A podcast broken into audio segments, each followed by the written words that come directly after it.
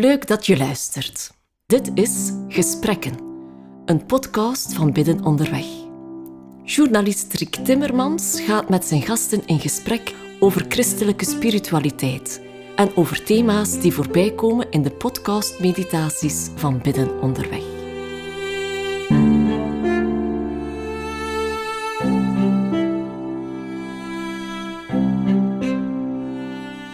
Vandaag in gesprek met Nicolaas Sintopin over de rol van onze verlangens, van het verlangen in ons leven. En Nicolaas, het is eigenlijk iets heel belangrijks, hè? onze diepste verlangens. Kun je daar iets meer over zeggen? Ik denk dat verlangen zo belangrijk is omdat het iets zegt over de diepste gedrevenheid van de mens. Wat je uiteindelijk letterlijk in beweging zet. En als je dat gaat bekijken vanuit een christelijk perspectief, dan kom je heel snel uit bij God. Verlangen naar God, of misschien vaker het verlangen dat God je ingeeft. Dus te zeggen, het diepste, het meest authentieke verlangen dat leeft in de mens en dat altijd op de een of de andere manier te maken heeft met leven, met liefde, met meer zijn, meer bestaan. En de grote uitdaging is natuurlijk om dat verlangen op het spoor te komen en er vervolgens ook iets mee te doen. Ja, is dat makkelijk? Dat is niet zo makkelijk, denk ik. Het is niet zo makkelijk omdat de praktijk aanwijst dat heel veel mensen daaraan voorbij gaan. Tegelijkertijd heeft de mensenervaring heel veel methodes ontwikkeld die gewoon bewijzen dat het echt mogelijk is. En dat het eigenlijk voor iedereen toegankelijk is. Dus in die zin is het echt mogelijk om te leren luisteren naar je verlangen. En waarom, uh, uh, waarom, waarom zou je dat doen?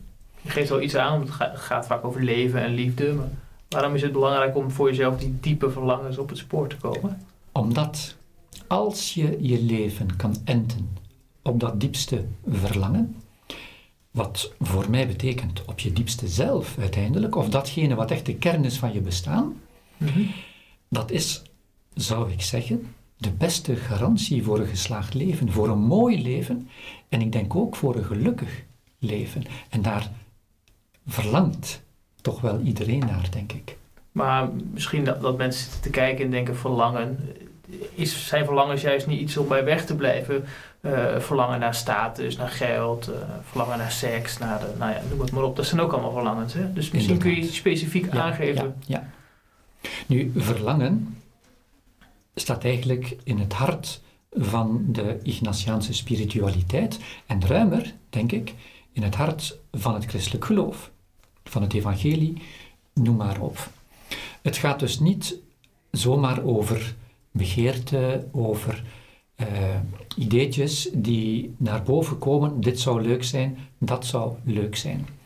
Verlangen, in de Ignatiaanse betekenis van het woord, gaat over de hele diepe drijfveer die in elk mens aanwezig is. Bij jou, bij mij, daar zijn gelijkenissen tussen die drijfveren, maar ten gronde zijn ze ook wel verschillend voor elkeen, omdat elkeen op een eigen wijze uitgenodigd wordt om met datgene wat hij zij is, ten volle te leven. En verlangen in die betekenis op het spoor komen, dat verlangen op het spoor komen, is een werk van onderscheiding.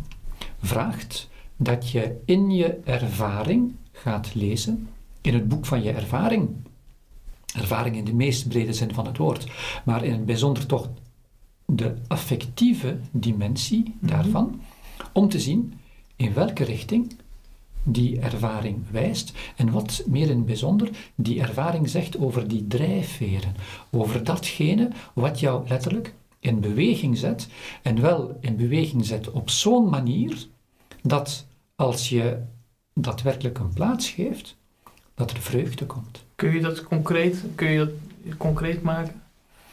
Voor iemand, hè, hypothetisch, ja, of, of uh, juist een, een voorbeeld Wel, bijvoorbeeld, je, je, bent een student uh, of je, bent, hè, je, bent, uh, je staat in het beroepsleven of je weet ik veel. Aandacht krijgen voor de, voor het type ervaringen, voor de plaatsen, voor de mensen, waarvan jij voelt, hé, hey, hier loopt het. Hier word je Hier- enthousiast van. Hier word ik enthousiast van. Hier krijg ik energie. Hier wil ik eh, meer van.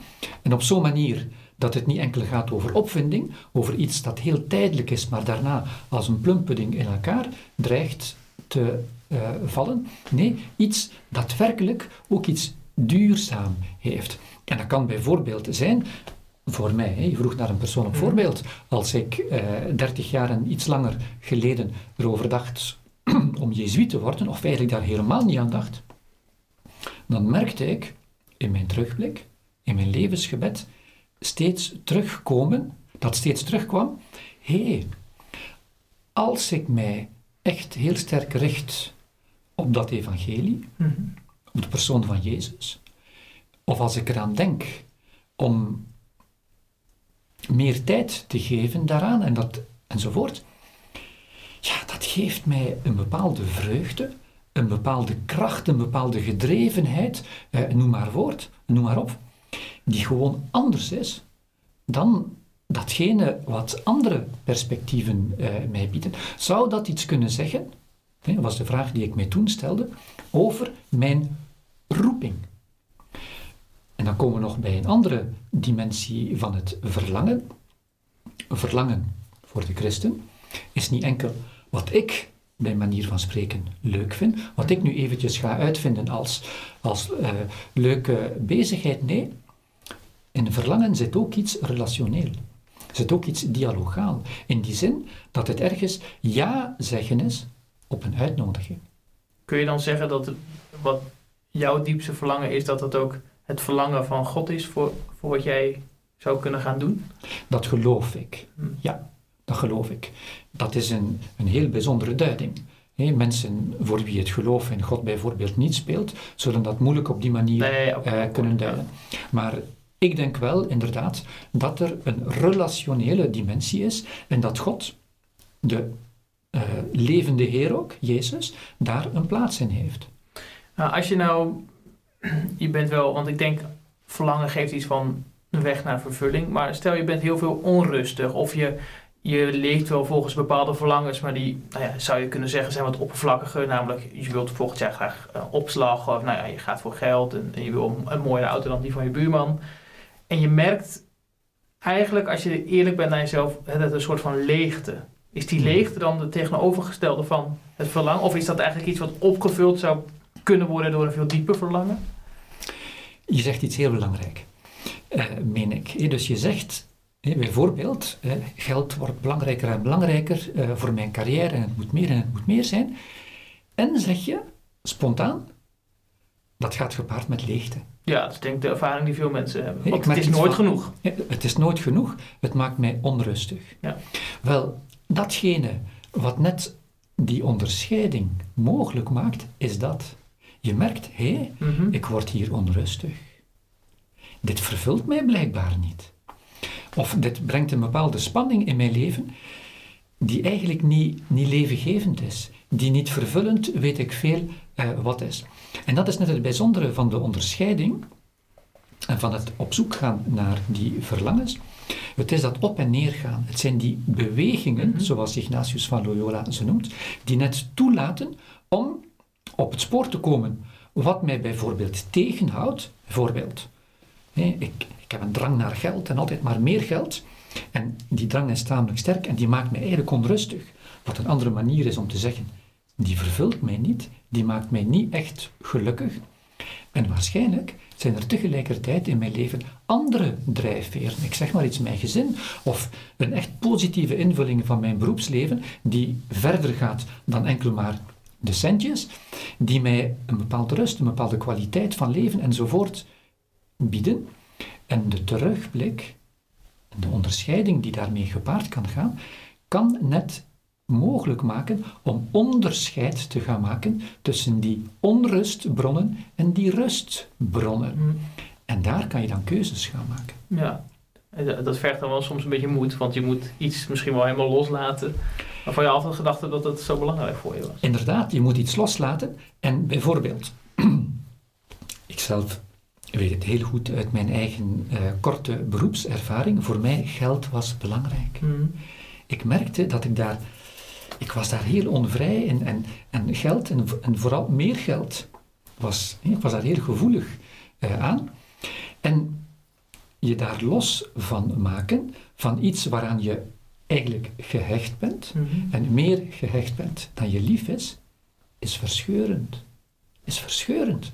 En dat scheuren, dat lostrekken, doet pijn. Is niet leuk. En tegelijkertijd weet je, hoop je, geloof je dat na die pijn er meer rust en meer openheid en meer gedrevenheid Ja. Zal Groeipijn. komen. Groei, het is groeipijn, juist inderdaad. Ik zat nog aan iets anders te denken, want ja, dit gaat dan over heel specifiek een persoonlijk verlangen, dat ook heel erg past bij nou ja, wie jij als persoon eh, bent en waar je warm van wordt en nou ja, hoe je je uitgenodigd voelt. Nu zie je op verschillende plekken, ik noem bijvoorbeeld Wit-Rusland, eh, maar ook, je ziet het ook bij de Black Lives Matters beweging in Amerika, een verlangen naar bevrijding, naar verandering, naar gelijkheid, eerlijkheid. Ehm, zij- is, heeft dat hier ook mee te maken? Kun je ook zeggen, spreken van het verlangen van een groep? Ik denk het wel. Ik denk dat ehm, verlangen niet enkel iets is op het niveau van een individu, dat ook een gemeenschap, een groep mensen, een gezamenlijk, een gedeeld verlangen kan hebben.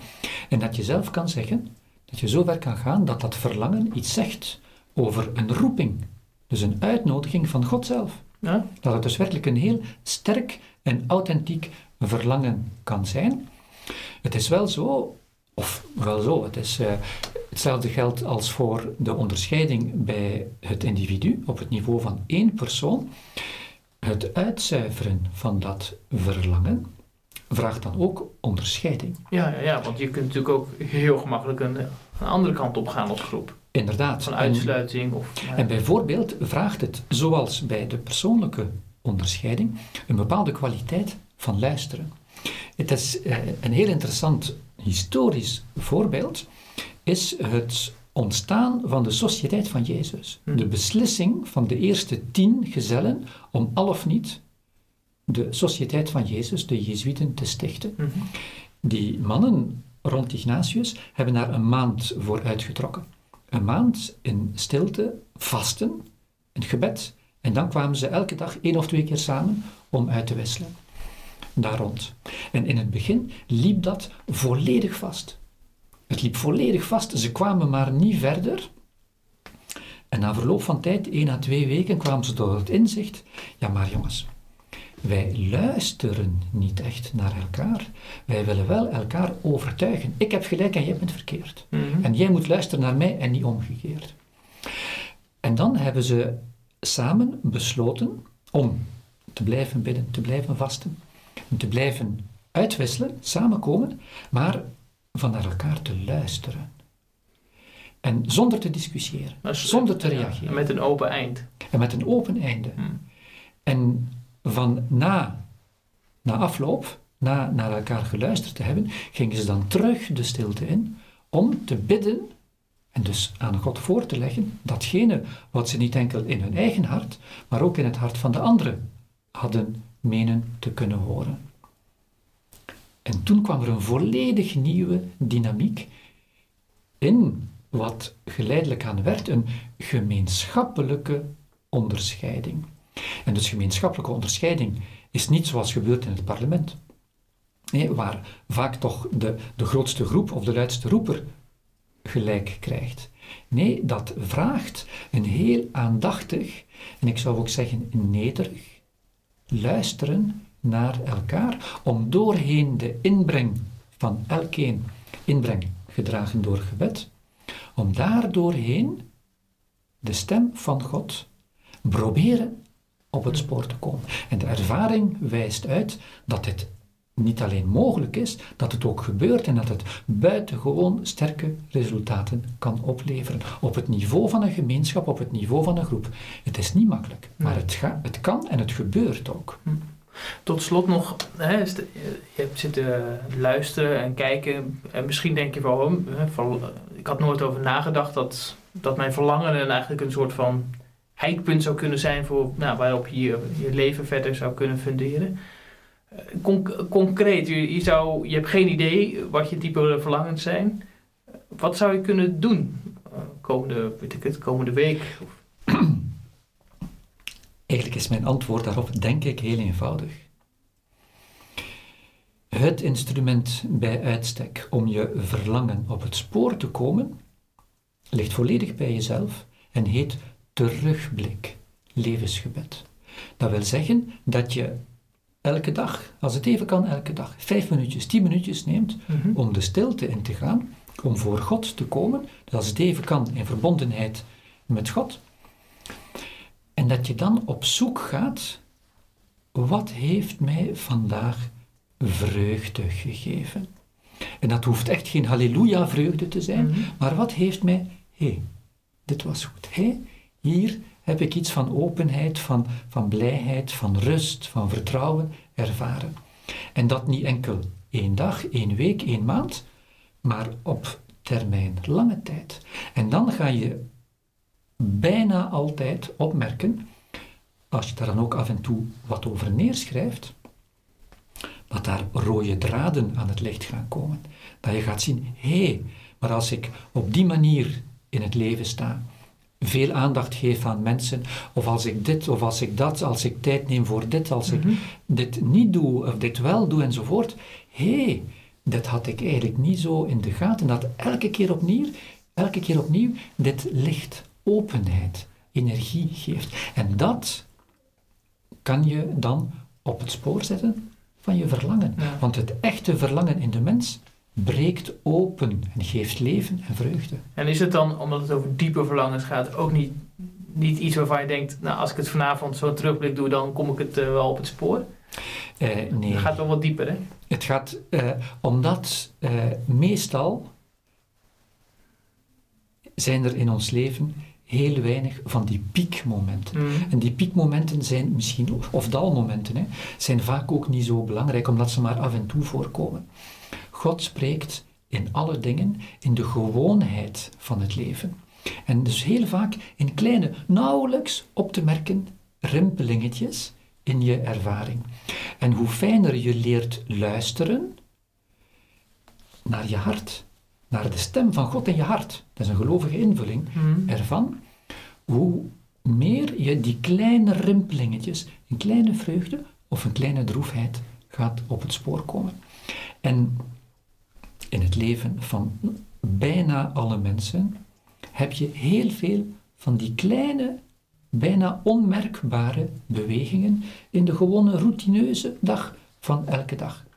Wel, als je zo goed kan gaan luisteren, dat je die, of kan gaan kijken, dat je die op het spoor komt, dan ga je in je concrete, gewone leven, het echte leven, op het spoor komen wat jou vreugde geeft of wat jou eerder droefheid geeft. En kan je in je gewone leven op het spoor komen van je verlangen.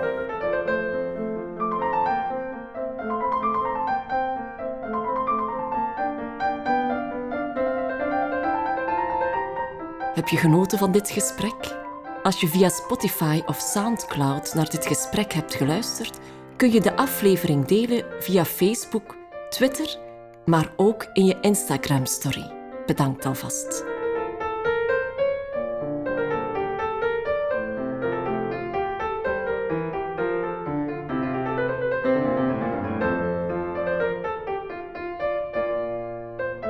Bidden onderweg is een gebedspodcast Iedere dag staat er een nieuwe Bijbelmeditatie van ongeveer 12 minuten voor je klaar. Je vindt de gratis app van Bidden Onderweg in je App Store of ga naar biddenonderweg.org.